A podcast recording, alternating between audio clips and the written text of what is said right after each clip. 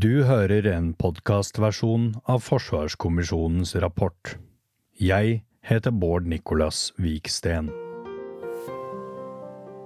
Kapittel 18 Særuttalelser Særuttalelse fra medlemmet Webber Den sikkerhetspolitiske situasjonen har endret seg betraktelig fra kommisjonen ble nedsatt i desember 2021 og gjennom kommisjonens arbeidsperiode.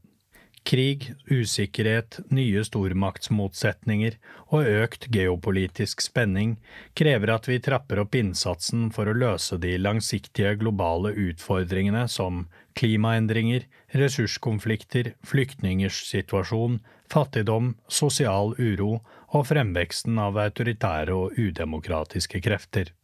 Dette kommisjonsmedlemmet stiller seg bak anbefalingen om en styrking av Forsvaret, men mener at forsvaret av Norge i større grad må sees i sammenheng med samfunnet ellers. Derfor er sikkerhetspolitikken uløselig knyttet til sosiale forhold og den økonomiske politikken som føres. Vi lever i en tid preget av krig, usikkerhet og økt geopolitisk spenning. Derfor er det også viktig at vi trapper opp innsatsen for å løse de langsiktige globale utfordringene som, slik som klimaendringer, ressurskonflikter, flyktningers situasjon, fattigdom, sosial uro og fremveksten av autoritære og udemokratiske krefter. Sikkerhetspolitikk handler om mer enn forsvarspolitikk. Dersom forsvaret av Norge er noe som angår alle, krever også det at den samla politiske innsatsen bidrar til å føre en politikk som gjør at det finnes et fellesskap alle er beredt til å stille opp for. På denne måten blir sikkerhetspolitikken uløselig knyttet til sosiale forhold og den økonomiske politikken som føres. Ansvar for egen sikkerhet. Forsvarskommisjonen legger til grunn at Norge må være forberedt på å ta en større del av ansvaret for egen sikkerhet. Dette medlemmet slutter seg til den anbefalingen. I kapittel 14 drøfter kommisjonen usikkerheten knyttet til den amerikanske sikkerhetsgarantien. Kommisjonen ser blant annet økt innenrikspolitisk ustabilitet, intern polarisering og USAs oppmerksomhet mot eventuelle konflikter i Sør-Kina-havet. Kommisjonsmedlem Webber mener disse faktorene representerer en fremtidig usikkerhet og gjør at den amerikanske sikkerhetsgarantien fremstår som porøs. Kommisjonsmedlem Webber anbefaler derfor at norske forsvars- og sikkerhetspolitiske vurderinger tar høyde for at sikkerhetsgarantiene gjennom NATO-medlemskapet også er forbundet med fremtidig usikkerhet, særlig knyttet til USAs garanti for Europa. Tilsvarende usikkerhet er det også knyttet til andre allierte, som Tyrkia og Ungarn, som vi på flere områder ikke deler sikkerhetspolitiske interesser med. Disse erkjennelsene må ligge til grunn for Norges forsvars- og sikkerhetspolitiske veivalg. I en verden med økt spenning, hvor atomtrusselen for alvor kan være tilbake, og hvor store deler av verden er inne i en opprustningsspiral, mener kommisjonsmedlem Webber at Norge må styrke den nasjonale forsvarsevnen, både gjennom å bygge opp et troverdig nasjonalt forsvar, og samtidig utnytte den handlefriheten Norge faktisk har, gjennom blant annet å utfordre NATO-strategien for førstebruk av atomvåpen, avstå fra deltakelse i out of area-operasjoner som ikke er hjemlet i folkeretten og som ikke tjener Norges interesser, føre en aktiv politikk internt i NATO og i multilaterale fora for å sikre arbeidet for nedrustning, demokrati og hvor forholdet til folkeretten er et ufravikelig prinsipp.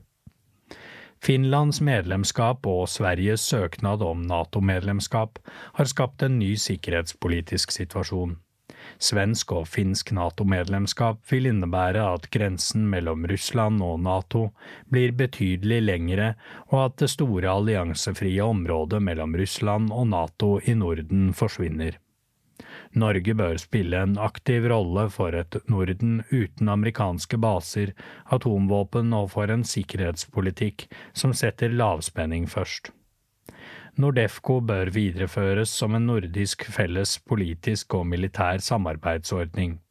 Kommisjonsmedlem Webber mener at Norge bør ta initiativ til at denne kan videreutvikles til en grunnstamme for et dypere militært samarbeid med økt integrasjon og en nordisk solidaritetspakt med gjensidige sikkerhetsgarantier. Som et ledd i å styrke sikkerheten i vår del av verden, bør Norge spille en aktiv rolle i samarbeidet med andre nordeuropeiske land som deler Norges sikkerhetspolitiske interesser.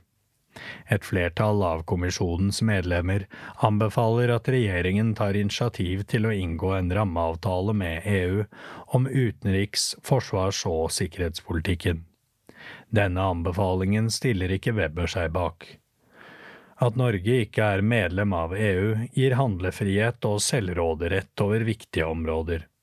Dette er en posisjon Norge med fordel kunne utnyttet bedre. Norge er primært knyttet til EU gjennom EØS-avtalen. EØS-avtalen er en handelsavtale, ikke en avtale for sikkerhet og forsvarssamarbeid, selv om innlemmet EDF i EØS-avtalen. De øvrige EFTA-landene i EØS, Island og Liechtenstein, har reservert seg mot dette. Kommisjonsmedlem Webber mener at Norge bør unngå å trekkes inn i en ny militær maktblokk underlagt EU, uavhengig av om den er i konflikt med eller i tillegg til NATO. Dette kommisjonsmedlemmet er skeptisk til EUs forsvarspolitiske ambisjoner. Det er ikke gitt at Norge er tjent med å bli trukket inn i EUs offensive strategi for bruk av militærmakt for å sikre sine interesser også utenfor Europa. I en tid hvor Norges nasjonale forsvarsevne skal styrkes betydelig, er det ikke sikkert at EUs ambisjoner er sammenfallende med Norges interesser. I tillegg er det uklart hva et utvidet forsvarssamarbeid vil koste for Norge, og nytten det vil ha i fremtiden avskrekking og beroligelse. Norges strategiske beliggenhet kommer til å bli mer fremtredende i årene som kommer. Norge forsøkte gjennom den kalde krigen å balansere forholdet mellom avskrekking og beroligelse. Det er vanskelig å måle den isolerte effekten av Norges balansepolitikk, men det er en politikk som gjennom den kalde krigen tjente oss godt. I perioden etter den kalde krigen var over, gikk vi inn i en lang periode med nedrustning. Nå er pendelen i ferd med å svinge tilbake. En rekke land har allerede begynt å ruste kraftig opp, og det er også behov for et løft for det norske forsvaret. Et løft for Forsvaret må likevel ha som utgangspunkt å fortsatt balansere forholdet mellom avskrikking og beroligelse. Kommisjonsmedlem Webber vektlegger derfor at basepolitikken uttrykkes både gjennom bilateral kontakt og samarbeid om felles interesser, slik som fiskerisamarbeid, atomsikring og kontroll, søk og redning og folk-til-folk-samarbeid i nord på den ene siden, og et kalibrert forsvarspolitisk konsept hvor Norges defensive intensjoner understøttes gjennom praktisk politikk på den andre siden, i form av å bygge opp det norske forsvaret. Kommisjonsmedlem Webber anbefaler at Norge baserer en praktisk orientert, beroligende forsvarspolitikk hvor følgende gjennomføres. Avvikle STCA-avtalene ved utløp og ikke godkjenne opprettelse av flere omforente områder videreføre de selvpålagte restriksjonene som Norge sto for gjennom den kalde krigen, at atomvåpen ikke skal utplasseres på norsk jord, og at Norge skal bidra aktivt for at Norden fortsatt skal være en atomvåpenfri sone også i fremtiden. Holde fokus på lavspenning og norsk tilstedeværelse i de arktiske områdene fremfor økt integrasjon med USA, særlig med tanke på gradvis åpning av Nordøstpassasjen. Personell, drift og forvaltning Et tilstrekkelig kvalifisert og godt personell er avgjørende for Forsvaret både for å kunne fungere i en tid med lav konflikt og i høy konflikt. Norges offisersforbund, NTL Forsvar og Fellesforbundet beskriver i sitt høringssvar til Forsvarskommisjonen hvordan Forsvarets bemanningsutfordringer bidrar til et overforbruk av de menneskelige ressurser, som virker forsterkende på økt turnover, rekrutteringsutfordringer og kostnadskrevende erstatningsløsninger. Tilsvarende retter fagforeningene kritikk mot hvordan interneffektivisering som har fungert som en budsjettsaldering, uten at tjenestene som sådan har blitt mer effektiv. Dette kommisjonsmedlemmet deler bekymringen til fagforeningene, og mener det er på tide med et krafttak for å styrke bemanningen i alle ledd. De samme fagforeningene peker også på en sikkerhetsrisiko med utsetting av tjenester til private aktører. Forsvarskommisjonen har i kapittel tre drøftet forholdet rundt utsetting av tjenester. Kommisjonsmedlem Webber mener konkurranseutsetting av tjenester i Forsvaret må unngås av hensyn til sikkerhets- og sårbarhetshensyn både i fred, krise og krig. Tilsvarende begrunnelse ligger i hensyn til krigens folkerett, hvor skillet mellom sivilt og militært er uklart eller flytende økonomisk løft for forsvaret av Norge. I etterkant av den kalde krigen har forsvarsbudsjettene utgjort en stadig mindre andel av BNP. Dette er penger som i samme periode blant annet har blitt brukt til å finansiere utbygging av velferdsstaten og infrastruktur som vil binde store budsjettposter også i fremtiden. Valget av F-35 kampfly er et eksempel på en investering som har lagt sterke føringer for ressursbruk og prioriteringer i Forsvaret, og som har forsterket ubalansen mellom investeringer og drift. F-35 fremfor JAS Gripen har dessuten forsterket avhengigheten av USAs våpenindustri. Når valget likevel er gjort, må hovedoppgaven være å få utnyttet flyets kapasitet best mulig, og at mest mulig skjer i Forsvarets egen regi det er behov for mer personell til drift og vedlikehold av flyene, og det er viktig at Norge i denne sammenhengen ikke gjør seg avhengig av private sivile aktører, men heller satser på å beholde og styrke kompetansen i Forsvarets egne rekker. Kommisjonsmedlem Webber mener det er behov for et økonomisk løft for å sikre forsvaret av Norge. Et økonomisk løft for Forsvaret handler dels om å rette opp i underfinansiering over tid, rette opp i ubalansen mellom investeringer og drift, og ryste oss opp for å kunne håndtere den sikkerhetspolitiske situasjonen. Forsvarskommisjonen foreslår et økonomisk forsvarsforlik for Norge. Det skisserte forsvarsforliket innebærer en dramatisk økning av dagens forsvarsbudsjett. Kommisjonsmedlem Webber kan av flere grunner ikke stille seg bak denne økonomiske anbefalingen. Det økonomiske anslaget er ikke mulig å innfri uten at det vil gå kraftig på bekostning av andre budsjettposter, som dette kommisjonsmedlemmet mener også er avgjørende for å sikre norsk handlefrihet og suverenitetshevdelse. Med mindre det samlede skattetrykket også skal økes tilsvarende, vil et slikt økonomisk løft gå på bekostning av andre sivile beredskapsfunksjoner, slik som helse og politi, utvikling, drift og vedlikehold av viktig infrastruktur. I tillegg gå utover det samlede velferdstilbudet, som også til dels er underfinansiert. Kommisjonsmedlem Webber mener det skisserte forslaget innebærer en økonomisk forskyvning som kan medføre at den totale og nødvendige beredskapen i Norge ikke styrkes, men svekkes, på tross av kommisjonens anbefalinger om styrking av totalforsvaret. Særuttalelse fra medlemmet Bjørbekk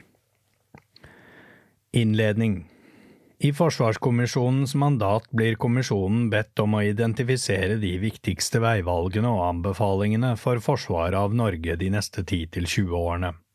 Det er dessuten en uttrykt målsetning at Forsvarskommisjonens innstilling skal bidra til en åpen og bred offentlig debatt for å bringe nye ideer på banen. Et omfattende arbeid med 16 kommisjonsmedlemmer har resultert i en rapport basert på flertallsinnstillinger.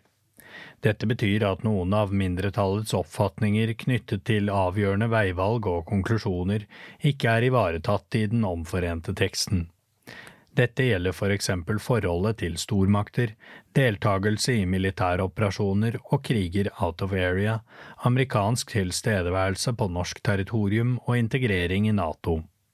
Jeg vil i denne særuttalelsen forsøke å peke på sider ved norsk forsvars- og sikkerhetspolitikk hvor jeg skiller lag med de øvrige medlemmene i Forsvarskommisjonen.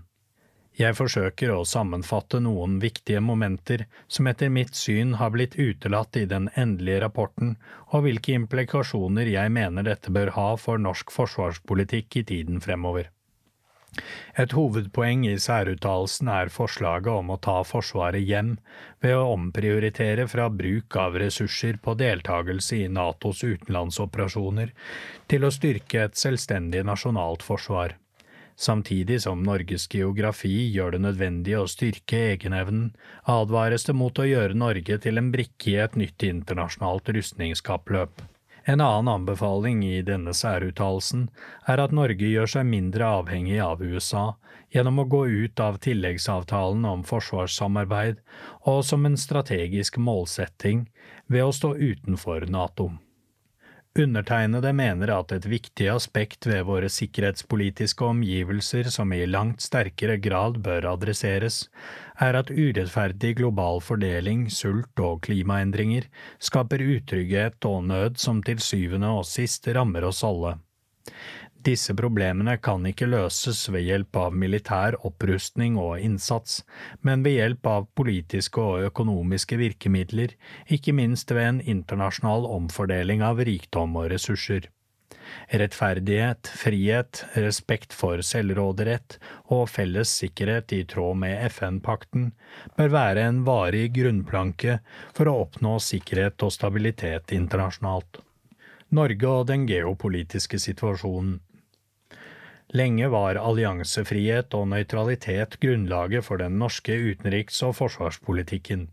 Erfaringene fra andre verdenskrig førte til forhandlinger om et nøytralt skandinavisk forsvarsforbund, en idé fremmet av Sverige. Den norske regjeringen måtte velge mellom et nordisk forsvarsforbund og den kommende Atlanterhavspakten, men valgte å gå mot vest i en militær og politisk allianse med USA, og undertegnet NATO-traktaten i 1949. Dette skjedde etter hardt påtrykk fra USA i en periode med stadig sterkere rivalisering mellom USA og Sovjetunionen. Under den kalde krigen ble det på begge sider bygget opp så sterke skremmebilder av motparten at det ble stadig vanskeligere å skape forsoning. Det ble drevet en intens etterretningsvirksomhet, propagandaaksjoner og ideologisk konkurranse. Samtidig var et rustningskappløp i gang. Bakteppet var at Sovjetunionen var regnet som overlegent i antall konvensjonelle våpen og hadde kort vei til slagmarken. Trusselen om utløsning av en global atomkrig mellom militæralliansene NATO og Warszawapakten førte til at partene unngikk å føre direkte kamper mot hverandre. I stedet ga partene militær og økonomisk støtte til allierte og førte krig gjennom stedfortredere. Begge stormaktene var motstandere av europeiske kolonimakters tidligere hegemoni, og så enhver frigjort koloni som mulighet for å fremme egne interesser. Den kalde krigen hadde derfor en svært destabiliserende effekt på de nye selvstendige statene som oppsto på 50-, 60- og 70-tallet. Dagens verdenssituasjon er utvilsomt sterkt preget av de strategiene USA har tatt i bruk for å utvide sin økonomiske, politiske og militære makt. Et tidlig historisk utgangspunkt er Monroe-doktrinen fra 1823, en utenrikspolitisk doktrine som har vært utgangspunktet for USAs militære intervensjoner i Latin-Amerika. Den var opprinnelig rettet mot å markere USAs interesser mot den europeiske kolonialismen på kontinentet, men fra 1900-tallet dreide det seg i hovedsak om beskyttelse av USAs økonomiske interesser og investeringer. Under den kalde krigen var USAs intervensjonisme motivert av at USA så Latin-Amerika som sin interessesfære, en verdensdel hvor Washington måtte forhindre kommunistisk, sosialistisk eller sosialdemokratisk styre. Monroe-doktrinen følges fortsatt, og er en direkte årsak til USAs støtte til paramilitære dødsskvadroner, invasjoner og invasjonsforsøk, og støtte til en lang rekke militærkupp i Latin-Amerika. Det fascistiske militærkuppet mot Chile den 11. september i 1973 er det mest kjente eksempelet. USA har i tillegg gjennom et halvt århundre ført en økonomisk krig mot Cuba og ignorert årlige vedtak i FNs generalforsamling med krav om å oppheve denne blokaden. I nyere tid gjennomføres den samme typen sanksjonspolitikk mot Venezuela. Truman-doktrinen stammer fra en tale fra president Harry S. Truman i den amerikanske kongressen i 1947. Her erklærte han at USA måtte se det som sin oppgave å støtte frie folk og nasjoner mot undergraving innenfra og militære trusler utenfra. Til grunn for doktrinen lå en forestilling om Sovjetunionen som en fremvoksende trussel mot Vesten og en ekspansiv stat. Talen markerte at USA ville demme opp for innflytelsen fra sosialistiske og kommunistiske land, og forhindre sovjetisk ekspansjon ved å styrke Vest-Europa økonomisk og militært. Truman-doktrinen bidro til å begrunne og legitimere amerikansk støtte til autoritære regimer som Ngo Din Diem i Sør-Vietnam og Franco i Spania, og til kriger i Korea, Vietnam, Laos og Kambodsja. Rivaliseringen mellom USA og Sovjetunionen i siste del av forrige århundre ledet til en omfattende militær opprustning, spesielt med kjernefysiske våpen. Cuba-krisen i 1962, da Sovjetunionen planla å utruste Cuba med mellomdistanseraketter, var nær ved å utløse en verdenskrig. Konflikten ble blant annet løst ved at USA aksepterte å redusere omfanget av amerikanske raketter rettet mot Sovjetunionen i NATO-landet Tyrkia. Samtidig aksepterte USA i praksis at Sovjetunionen brukte militære maktmidler for å beholde kontrollen innen medlemsstatene i Warszawapakten, annet gjennom intervensjonen i Ungarn i 1956 og okkupasjonen av Tsjekkoslovakia i 1968. I 1979 invaderte Sovjetunionen nabolandet Afghanistan for å holde oppe et prosovjetisk regime. Dette felttoget, som sluttet med et militært nederlag i 1989, bidro sammen med det kostbare rustningskappløpet til undergraving av Sovjetunionens økonomi. Forsøkene på reformer i Sovjetunionen mislyktes og endte i 1991 med oppløsning både av Warszawapakten og Sovjetunionen. Forsøkene på å innføre en nyliberal kapitalistisk markedsøkonomi i Russland ledet til oligarkvelde, en dramatisk økonomisk tilbakegang og omfattende sosiale problemer, inkludert senket levealder. Den kalde krigen og rivaliseringen mellom to militære supermakter ble for en tid avløst av det unipolare øyeblikk, med USA som global hegemon. Det var dette tidsbildet i tiåret før årtusenskiftet som den amerikanske statsviteren Francis Fukuyama døpte historiens slutt, den endelige triumfen for en liberal, amerikanskledet verdensorden. Det sluttkapitlet ble kort, først og fremst på grunn av Kinas enorme økonomiske vekst. Den dag i dag forsøker imidlertid USA å befeste restene av en unipolar verdensorden med USA som ubestridt leder. Det gjøres først og fremst ved å hindre at andre utvikler en økonomisk, teknologisk og militær evne til å utfordre USAs posisjon. Etablering av 750 militærbaser i 80 land utplassering av atomvåpen, overvåkning av mennesker over hele verden, militarisering av verdensrommet, avvikling av internasjonale avtaler som ikke passer med amerikanske behov, og unilateral styring kan ses som en manifestasjon av USAs vilje til verdenshegemoni. Ifølge Noam Chomsky ble denne prosessen intensivert gjennom krigen mot terror utover 2000-tallet. Den erklærte intensjonen var å sikre seg permanent globalt hegemoni gjennom trusselen om eller bruken av militære styrker fra verdens suverent sterkeste militærmakt.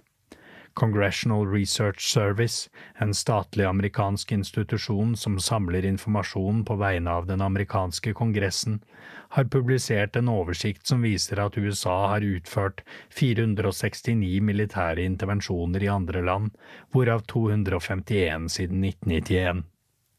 USAs mest militært offensive epoke, målt i antall militære intervensjoner, er altså ikke den kalde krigen, men årene etterpå. Disse krigene omfatter blant annet NATO-bombingen av Jugoslavia-Serbia i 1999, den langvarige USA-NATO-okkupasjonen av Afghanistan høsten 2001, den folkerettsstridige katastrofale invasjonen i Irak i 2003 og bombingen av Libya i 2011. Krigen i Irak ble begrunnet i fabrikkerte bevis om at Irak hadde biologiske våpen og arbeidet for å utvikle atomvåpen. Løgnene ble servert i FNs sikkerhetsråd i februar 2003 av USAs utenriksminister Colin Powell.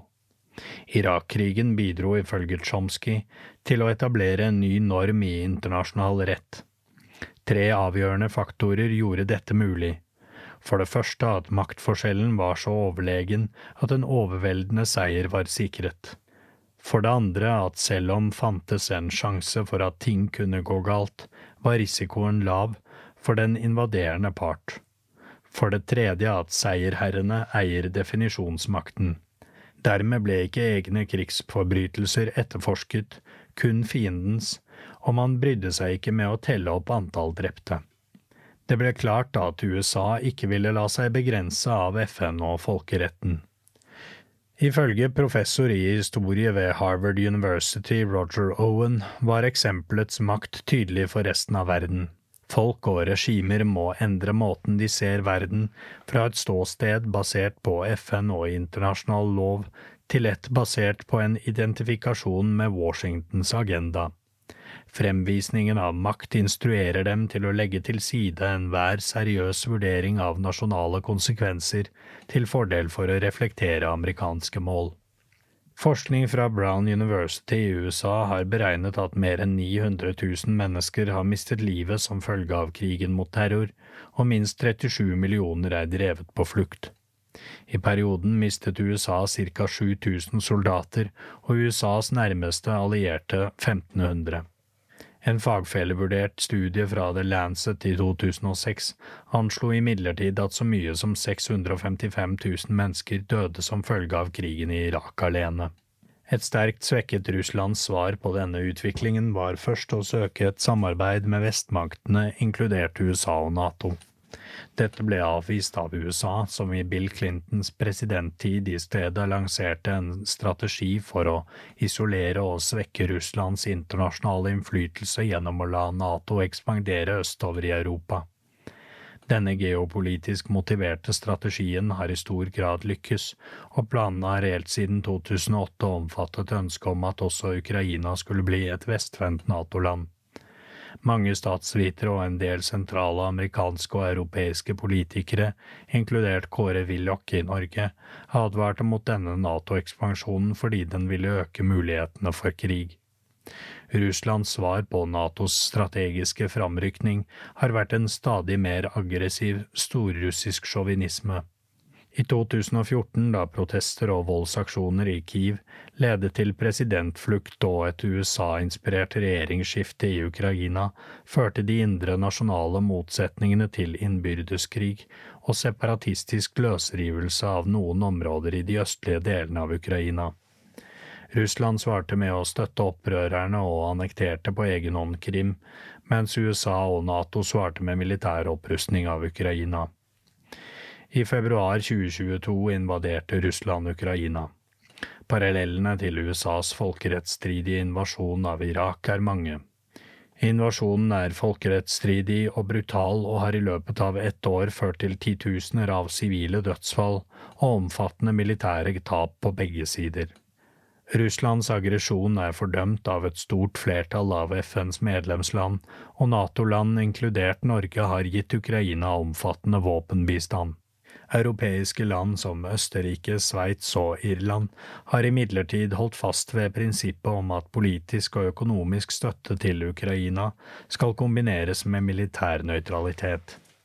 Faren er i dag stor for at en langvarig krig uten forsøk på fredsløsninger vil føre til nye katastrofale tap av menneskeliv, ødelegge enda større deler av Ukraina og øke faren for en ødeleggende storkrig. I ytterste fall kan situasjonen utløse kjernefysisk eskalering. I 2023 har Natos strategiske konsept og USAs sikkerhetsstrategi gått langt i å definere Kina som en sikkerhetstrussel, noe som blant annet formuleres slik. Kina utgjør en systemisk utfordring for alliansen ved siden av hovedtrusselen fra Russland, og videre. Det dypere strategiske partnerskapet mellom Folkerepublikken Kina og Den russiske føderasjonen og deres gjensidige forsterkende forsøk på å undergrave den regelbaserte internasjonale orden strider mot våre verdier og interesser. Denne uttrykte frykten for Kina må ses i sammenheng med Kinas sterke økonomiske utvikling siden 1990. Fortsetter denne utviklinga, vil Kina kunne komme til å passere USA i økonomisk styrke innen 2030. Det er etter undertegnedes oppfatning grunn til å stille spørsmål ved om USAs hangarskip i nærheten av Kinas kyst dreier seg om å motvirke en reell sikkerhetstrussel, eller om dette i hovedsak er et uttrykk for en forlengelse av amerikansk oppdemmingspolitikk i tråd med Truman-doktrinen.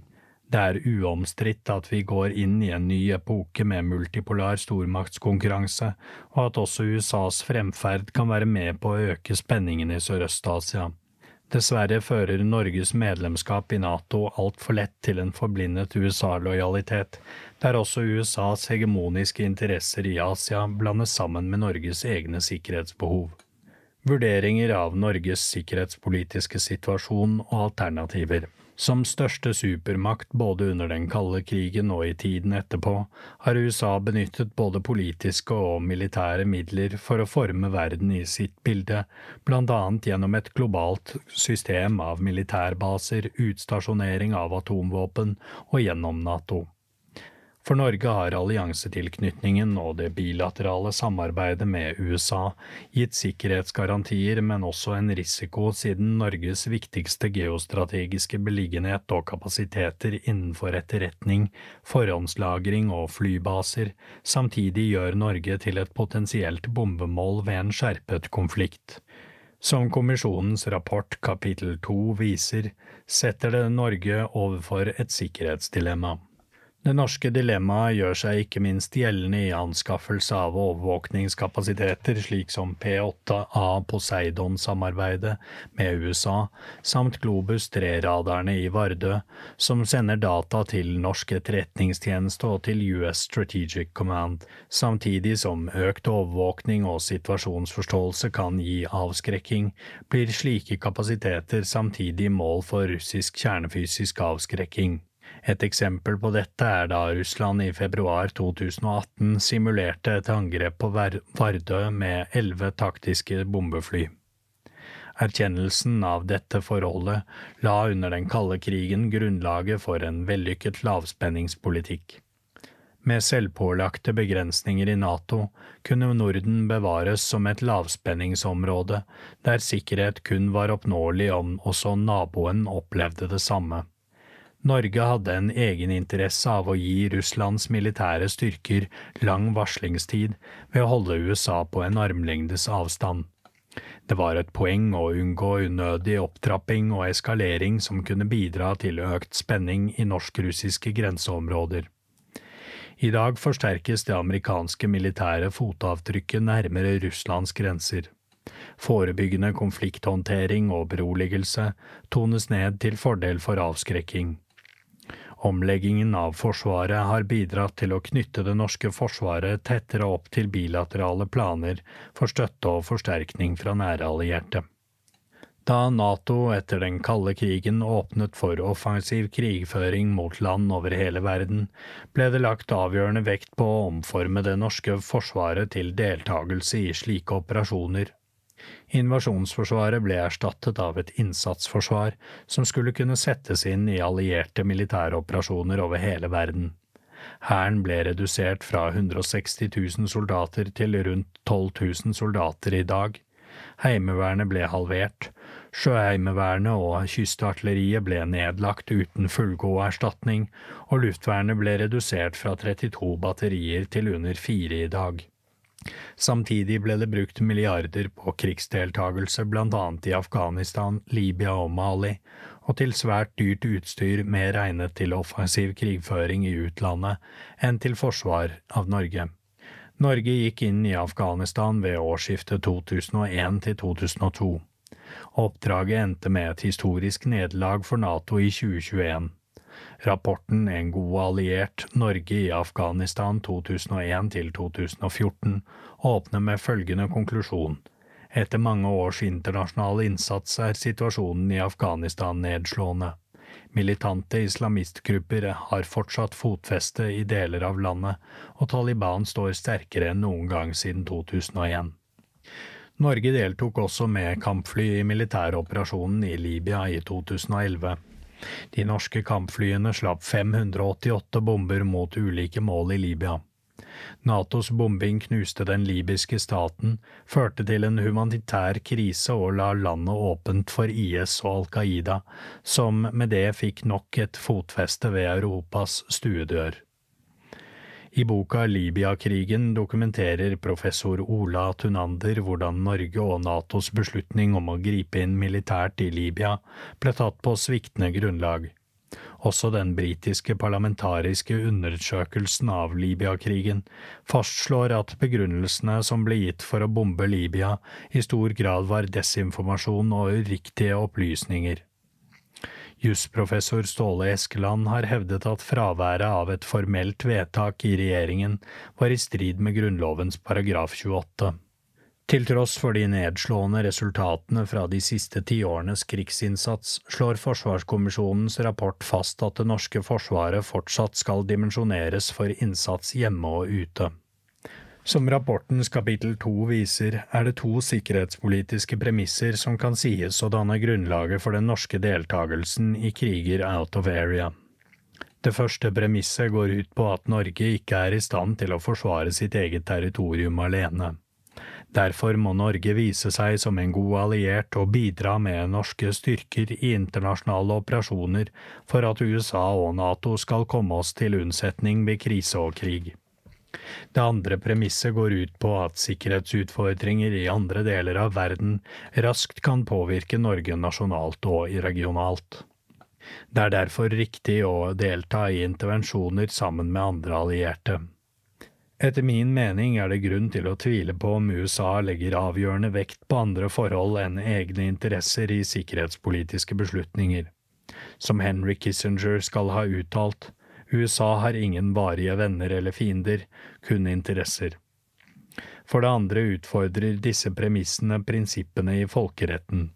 Norges innsats i krigen mot terror har ført til enorme menneskelige lidelser, ustabilitet, fremvekst av flere terrorgrupper, store flyktningstrømmer og et ukjent antall mennesker som har mistet livet i en desperat flukt over Middelhavet. Historien har vist at militær intervensjon som regel fører til at konflikten sprer seg, ikke det motsatte. Nato-medlemskapet befester dessverre Norge som en imperialistisk orientert stat på lag med de rike og dominerende statene i verden. Norges geostrategiske beliggenhet kombinert med Nato-medlemskap og et tett bilateralt forsvarssamarbeid med USA vil kunne trekke Norge inn i en eventuell ny storkrig fra krigens første minutt. Det er derfor verdt å problematisere om Nato-medlemskapet gir trygghet. Jeg vil hevde at det heller gjør Norge mer utsatt. Det kan også stilles spørsmål ved hvor klokt det er å overlate norsk sikkerhet til en militærallianse av 30 medlemsland med sprikende interesser og til et USA som preges av en økende grad av polarisering og ustabilitet, noe som vil gjøre det vanskeligere å forutse amerikansk utenrikspolitikk de neste 10–15 årene. Etter mitt syn aktualiserer den nye geopolitiske situasjonen med økt spenning og stormaktsrivalisering Norges nøytralitetstradisjon etter unionsoppløsningen. Som Norges første utenriksminister Jørgen Løvland uttrykte det, oppgaven må være å holde oss utenfor deltakelse i de kombinasjoner og allianser som kan dra oss inn i krigseventyr. På denne bakgrunnen mener jeg at Norge som et strategisk alternativ til medlemskapet i NATO heller bør søke mot en garderingsstrategi basert på en nordisk forsvarspakt med gjensidige sikkerhetsgarantier og bilaterale samarbeid med land vi har felles interesser med. Ettersom det i dag ikke er noe flertall i folket eller i Stortinget for en utmeldelse av NATO, må nødvendigvis dagens politikk i størst mulig grad av nasjonal selvstendighet innenfor de sikkerhetspolitiske rammene som nå finnes. Internasjonalt kan dette annet bety at i forkant av mulige scenarioer som kan utspille seg i Sør-Kina-havet og andre steder, bør Norge forsøke å unngå å havne i en situasjon hvor det ene tar det andre. Norske myndigheter bør på selvstendig grunnlag forsøke å overskue konsekvensene av å bidra i en eventuell ny krig mellom stormakter. NATO-medlemskapet bør ikke være til hinder for at Norge kan foreta selvstendige vurderinger i utenriks- og forsvarspolitikken, ut fra hva som tjener norske interesser samt fred og sikkerhet globalt. Også nasjonalt bør Norge, som småstat i et av verdens mest strategiske og sikkerhetspolitisk omstridte områder, og med geografisk nærhet til Russlands strategiske våpen på Kola, sette egne interesser fremst og praktisere en politisk balansegang mellom stormaktene, der hovedformålet er å sikre nasjonal politisk suverenitet og handlefrihet. En prioritering av Norges selvstendige forsvarsevne i nord er, som blant annet Norges offisers- og spesialistforbund påpeker, nødvendig for å sikre norsk suverenitet og handlefrihet. Dette innebærer større nasjonal tilstedeværelse, med demonstrert vilje og evne til å forsvare norske interesser og kontroll over et eget territorium. Tillitsskapende initiativer kan også bidra til å forebygge uønskede kriser. Med utviklingen av mer avansert missilteknologi, der skillet mellom atomvåpen og konvensjonelle våpen viskes ut, kan slike kriser få uopprettelige konsekvenser. Et slikt veivalg er vesentlig for at Norge kan gjenopprette en bufferfunksjon i balansen mellom rivaliserende stormakter i nordområdene. En ambisjon om å løse strategisk viktige forsvarsoppgaver selv kan forebygge økt spenning og mulige misforståelser med militær eskalering som følge. Motsatt kan større grad av alliert tilstedeværelse i nordområdene og infrastruktur for å ta imot allierte forsterkninger bidra til å innskrenke norsk handlefrihet og øke spenningen. En rettsbasert verdensorden som sikrer at små lands rettigheter respekteres, og at stormaktene ikke kan ta seg til rette, er Norges førstelinjeforsvar. Å tillate amerikanske baser, radarstasjoner og forhåndslagring på norsk jord utfordrer dette prinsippet og gjør samtidig norske byer og tettsteder til brikker i et stormaktspill. Det er grunn til bekymring for en utvikling som går i retning av et stadig dypere integrert NATO-forsvar, hvor Forsvaret struktureres og dimensjoneres etter legokloss-prinsippet og evnen til sammenkobling med styrker fra NATO. Omleggingen av Natos kommandostruktur innebærer at utenlandske styrker på norsk jord ikke er underlagt norsk operativ kontroll, men er underlagt NATO eller amerikansk kontroll. Dermed har norsk sikkerhet gått fra å være et nasjonalt ansvar med støtte fra allierte, til et kollektivt NATO-forsvar med norske styrker underlagt NATO-kommando. Etter mitt syn må forsvaret av Norge ha som et bærende premiss at landet skal være fritt og uavhengig, og kun inngå i internasjonale allianser som ivaretar norsk selvråderett. Den norske regjeringen har ansvaret for å ha full kontroll over all militær aktivitet på norsk territorium. Da kan ikke forsvaret av landet legges i fremmede makters tjeneste. Jeg vil sammenfatte dette i 15 punkter. 1. Norge er et lite land som er tjent med at etablert folkerett blir respektert. Internasjonalt bør Norge jobbe for å løse konflikter med diplomatiske og fredelige midler. Norge må aktivt gå imot utøvelse av den sterkestes rett i internasjonalt samkvem og bidra til å minske konfrontasjon mellom militærblokker. Parallelt med at Forsvaret ved inngangen av 2000-tallet ble innrettet mot deltakelse i den globale krigen mot terror, har det skjedd en villet nedbygging av invasjonsforsvaret. Den 20 år lange krigen i Afghanistan og den totale ødeleggelsen av Libya viser hvor langt Norge var villig til å gå for å vise seg som en god alliert.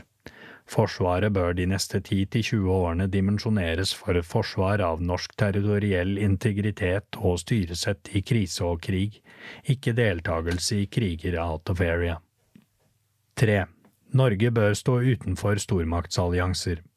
NATO-medlemskapet og Norges militære forsvarssamarbeid med USA underlegger forsvaret av Norge USAs økonomiske og geostrategiske interesser. Fire. En utvikling som går i retning av stadig mer dypintegrert NATO-forsvar, utfordrer selvråderetten både i fredstid og i krise og krig. Norge bør ut av Natos kommandosystem og planverk. Dette innebærer at norske styrker ikke blir underlagt NATO-kommando i krig, men står under suveren norsk kommando. 5. Norge bør ikke delta i militære utenlandsoppdrag som i realiteten er støtte til imperialistisk utnytting. Utenlandsoppdrag kan ha mange former og bør derfor behandles hver for seg. FN-mandat er i seg selv ingen garanti for at krigsdelstagelse er riktig. 6. Framtidige endringer i Natos strategidokumenter bør behandles i Stortinget. 7. En nasjonal uavhengighetspolitikk kan innebære forsvarssamarbeid med andre land, men da må Forsvaret dreie seg om et forsvar av landets territorielle integritet. En garderingsstrategi som tar utgangspunkt i et nordisk forsvarssamarbeid og bilaterale avtaler nærliggende stater, bør inkludere gjensidige sikkerhetsgarantier som utløses i den øvre delen av krisespekteret. 8. Undertegnede støtter en fornyet satsing på overflatestruktur og kystforsvar, og at landforsvaret må styrkes i tråd med anbefalingene i kommisjonens rapport for å ha mulighet til et troverdig nasjonalt forsvar. Men ikke om dette betyr at Norge blir i stand til å sende dobbelt så store styrker til utenlandsoppdrag. 9 hvilke økonomiske ressurser landet skal bruke på plattformer og personell, må ha norsk suverenitet og uavhengighet som premiss, ikke at Norge skal fungere som en fremskutt base for USA, eller drive service og lagring for våpen for andre lands imperialistiske interesser rundt om på kloden. 10. Det er i norsk forsvarspolitisk interesse at nordområdene forblir et lavspenningsområde, med en forsterket politikk for beroligelse, selvpålagte restriksjoner og tillitsskapende tiltak. Forsvaret bør styrke sin tilstedeværelse i nordområdene. 11. Historien viser at allierte staters aktiviteter og sikkerhetsinteresser ikke nødvendigvis er sammenfallende med norske. Det bør foretas en analyse av sikkerhetssituasjonen i nordområdene, med alliertes og andre aktørers interesser og mulige føringer, interessekonflikter eller spenningsfelt som kan forventes å skape utfordringer for Norge. 12. Utdanningsinstitusjoner bør lokaliseres i regioner hvor det er viktig å rekruttere og beholde forsvarsansatte. Befalsutdanningen og personellforvaltningen har blitt sentralisert, og dermed fjernet fra de operative avdelingene og personellets fag- og avdelingsmiljø. Tilgang på militær utdanning er viktig både for å rekruttere innbyggere til militære karrierer og for å styrke Forsvarets kompetansemiljøer. Det bør derfor vurderes å legge mer av utdanningen i nord. 13. Sjøheimevernet ble nedlagt i 2017, noe som har svekket evnen til overvåkning og kontroll langs kysten og evnen til objektsikring ved kyst og til havs. Sjøheimevernet bør vurderes gjenopprettet. 14. I USAs sikkerhetsstrategi og Natos strategiske konsept trer Kina frem som den største utfordringen til USA. Norge bør motsette seg å bli dratt inn i en mulig konfrontasjon med Kina. 15. Masseinnhenting av data for å forebygge trusler kan i seg selv representere en trussel mot norsk suverenitet og demokratisk styreform, og kan føre til et overvåkningssamfunn ingen ønsker. Norske myndigheter bør ikke tillate infrastruktur for masseovervåkning av egne borgere, men verne om retten til privatliv. Forsvarssamarbeid Norsk alliansetilknytning og føringer kan i seg selv være spenningsdrivende. Erkjennelsen av dette forholdet har tidligere ligget til grunn for såkalte selvpålagte restriksjoner, geografiske begrensninger av militære aktiviteter, baseerklæringen og atomvåpenrestriksjoner. I Forsvarskommisjonens rapport fremheves lavspenning og beroligelse som viktige også de neste 10–20 årene. Likevel beveger noen av rapportens anbefalinger seg i motsatt retning. Det vises til anbefalingen i kapittel 14 om en eventuell utvidelse av bilaterale militære samarbeidsavtaler med tillatelser til andre lands soldater og militære lagre på norsk jord, STCA, omfattende fellesoperasjoner og øvelser med allierte og utvidet geografisk tilstedeværelse. Etter mitt syn bør norsk forsvar baseres på nasjonal og demokratisk kontroll over militær maktutøvelse, og ikke underlegges andres sikkerhetsinteresser. Det bilaterale forsvarssamarbeidet med USA og den nylig inngåtte tilleggsavtalen STCA gir eksplisitt amerikansk styringsrett over sivil og militær maktutøvelse på, fra norsk territorium, Rygge, Evenes, Ramsund og Sola. Det kan føre til at terskelen for utplassering av atomvåpen på norsk jord senkes. Det er usikkert om tidligere norske atomvåpenrestriksjoner kan gjelde og praktiseres i lys av inngåtte bilaterale avtaleforhold.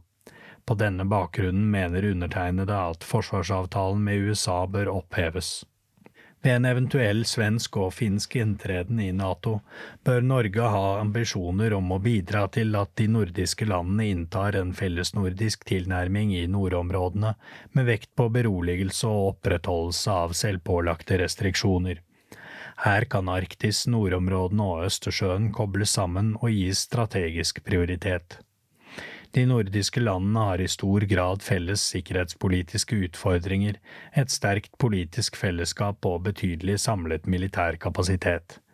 Et nordisk forsvarssamarbeid med gjensidige sikkerhetsgarantier er i norsk interesse og kan på sikt etableres uavhengig av NATO.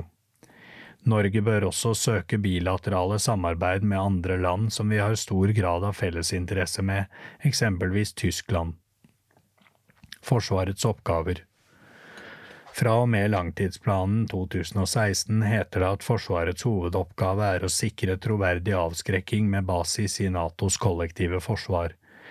Denne endringen kan sies å representere en dreining bort fra Forsvaret som et nasjonalt anliggende med støtte fra Nato, til et rent Nato-anliggende.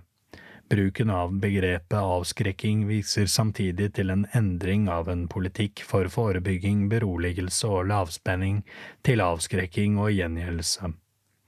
Dette bryter således med målet om å unngå hurtig eskalering og opptrapping til strid.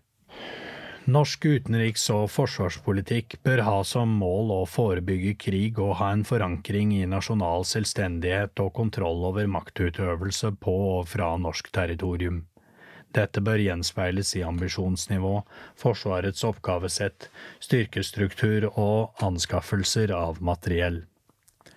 Forsvarsforlik i rapportens kapittel 17 skisseres det en anbefaling om et forsvarsforlik over ti år, hvor 30 milliarder per år settes av til å oppfylle gjeldende langtidsplan og 2 %-målet, mens ytterligere 40 milliarder per år skal gå til investeringer i ny overflatestruktur, luftvern og langtrekkende våpen. Videre heter det i kapittelet at Norge bør kunne bidra med ammunisjon og forsyningsberedskap i alliert eller internasjonal sammenheng dersom det er behov for det, at Forsvaret må dimensjoneres for hjemme og ute samtidig, og at det vil bli vanskelig for Norge å ivareta rollen som troverdig alliert, eller kunne ha et forsvar som kan stille kapable land- og luftstyrker til NATO-operasjoner og internasjonal innsats innenfor Norge over tid dersom ikke egenevnen styrkes. Undertegnede kan ikke støtte en vilkårsløs økning av forsvarsutgiftene som binder nåværende og fremtidige storting i ti år frem i tid.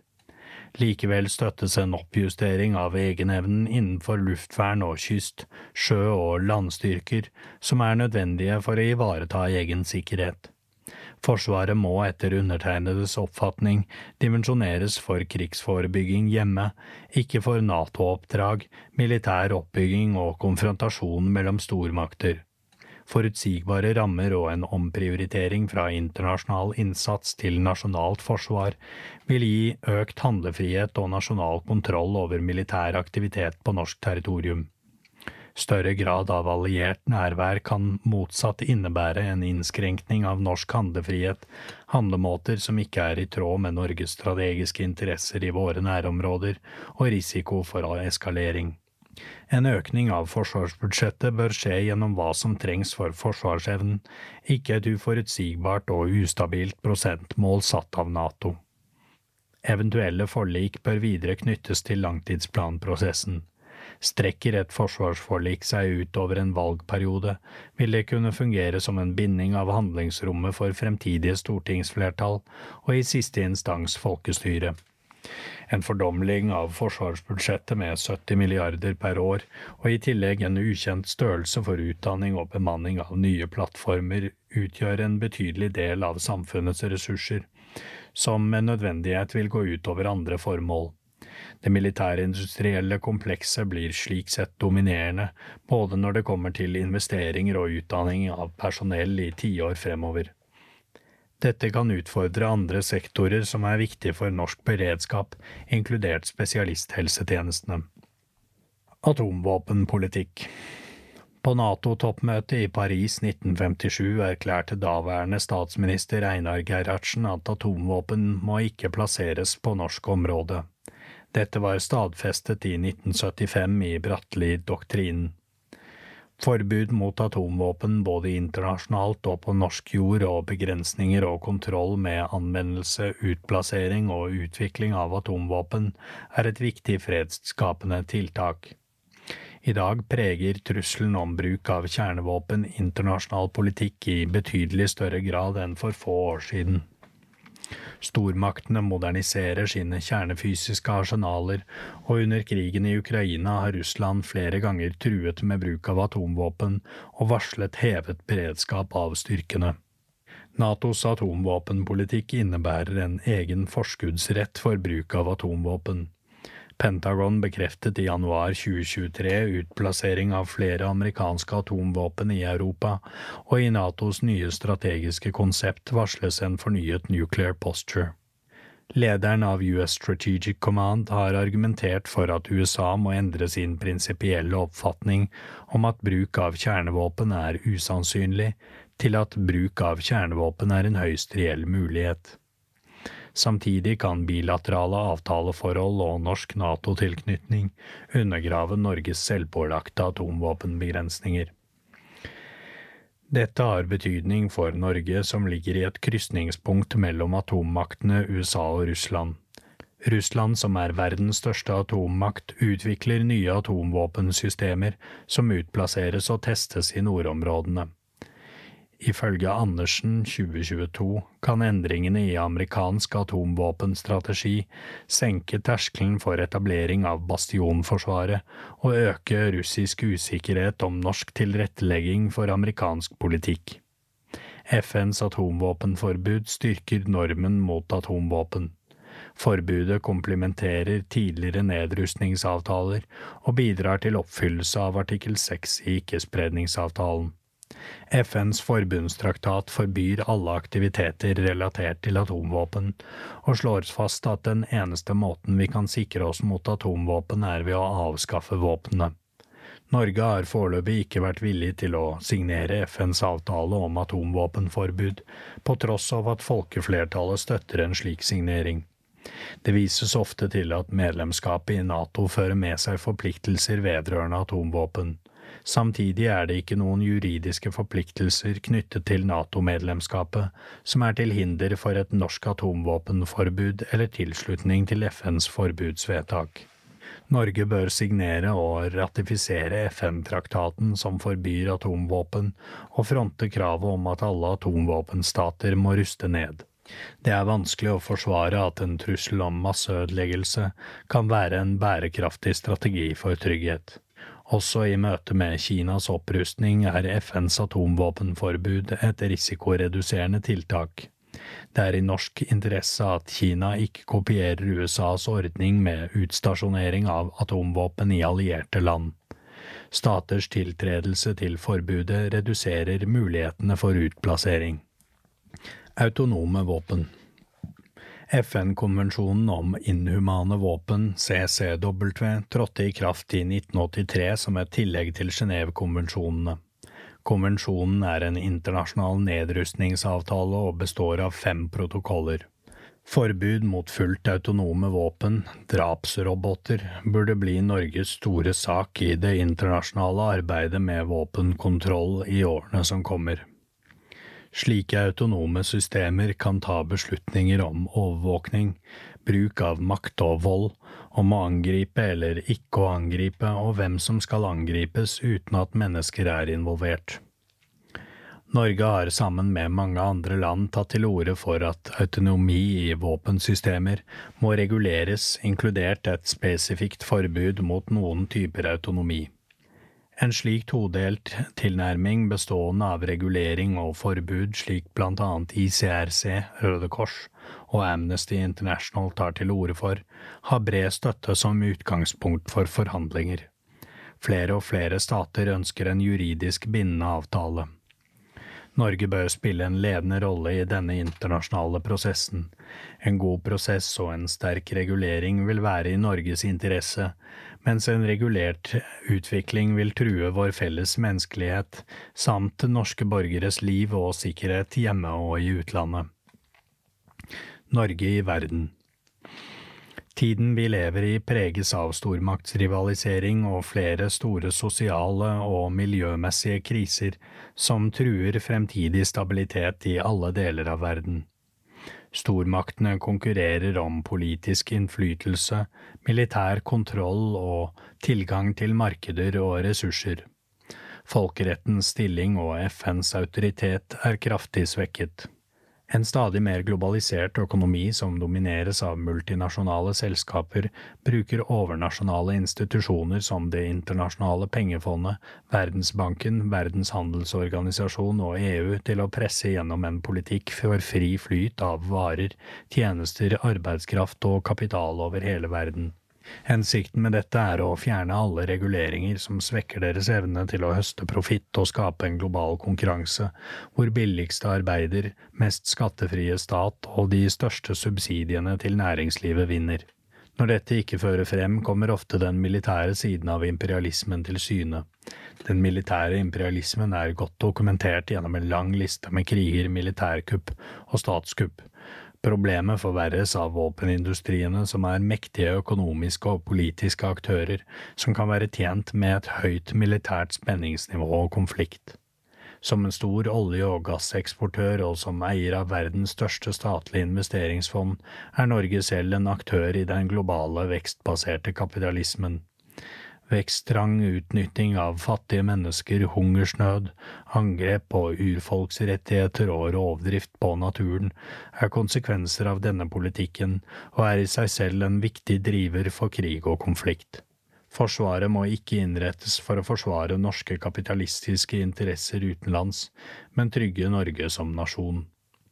Norges hovedrolle internasjonalt bør være å bidra til rettferdig fordeling fremfor kapitalistisk konkurranse, nedrustning, fredsmegling og langsiktig støtte til gjenoppbygging etter konflikter, ivareta og forsvare folkeretten og nasjonenes rett til selvbestemmelse. Felles sikkerhet under den kalde krigen fremmet Palmekommisjonen en visjon om felles sikkerhet og et løfte om felles overlevelse istedenfor trussel om gjensidig ødeleggelse. Sentralt sto erkjennelsen av at stater ikke kan søke sikkerhet på bekostning av andres, det kan bare bli oppnådd gjennom samarbeidstiltak. Paris-charteret, som ble etablert i 1990, var basert på prinsippene om udelelig sikkerhet og suveren likhet i Europa uten delelinjer. De siste tiårene har denne politikken gradvis blitt forlatt. Istedenfor udelelig sikkerhet har stormakter forsøkt å søke sin sikkerhet på bekostning av andres. Istedenfor et Europa uten delelinjer er vi inne i en ny kald krig. Statsvitere som tilhører den realistiske skolen, slik som John Mearsheimer, har pekt på at konsekvensene av Natos ekspansjonsstrategi i øst vil øke risikoen for en militær konflikt. George Kennan advarte i 1997 mot det samme ut fra en erkjennelse av at stormakter alltid forsvarer sin innflytelse og antatte sikkerhetsinteresser. I 2022 lanserte Olof Palmes internasjonale senter, Det internasjonale fredsbyrået, IPB, og ITUC, International Trade Union Confederation, en fornyet plan for felles sikkerhet i Europa, sett i samtidskontekst. Det bør vurderes om Norge kan innta en posisjon i en mulig utvikling av en felles sikkerhetsarkitektur som på lengre sikt kan bidra til å forebygge krig og konflikt. Norsk forsvars- og sikkerhetspolitikk bør legge til grunn et bredt sikkerhetsbegrep og synliggjøre multilateralt fredsfremmende samarbeid, hvor FN står helt sentralt sammen med regionale samarbeidsorganer som Arktisk råd, Europarådet, Nordisk råd og OSSE, Organisasjonen for sikkerhet og samarbeid i Europa. FN må spille en aktiv rolle i å ta opp problemene med kollektiv sikkerhet og nedrustning i henhold til prinsippene i FN-pakten og Paris-charteret fra 1990. Forsvarskommisjonen må ta inn over seg at norsk sikkerhet er basert på felles sikkerhet mellom flere land. Dette markerer rapportens slutt. I tillegg tilkommer en rekke vedlegg, som du kan finne i den fulle rapporten på regjeringen.no. Dette er en podkastversjon av Forsvarskommisjonens rapport. Mindre avvik fra den endelige rapporten kan forekomme, og vi presenterer ikke grafikk, tabeller eller fotnoter. Hvis du vil ha den fulle opplevelsen, anbefaler vi deg å lese rapporten på regjeringens nettsider regjeringen.no. Da vil du også få med deg en rekke viktige grafer, figurer og illustrasjoner Forsvarskommisjonen har lagt mye arbeid i.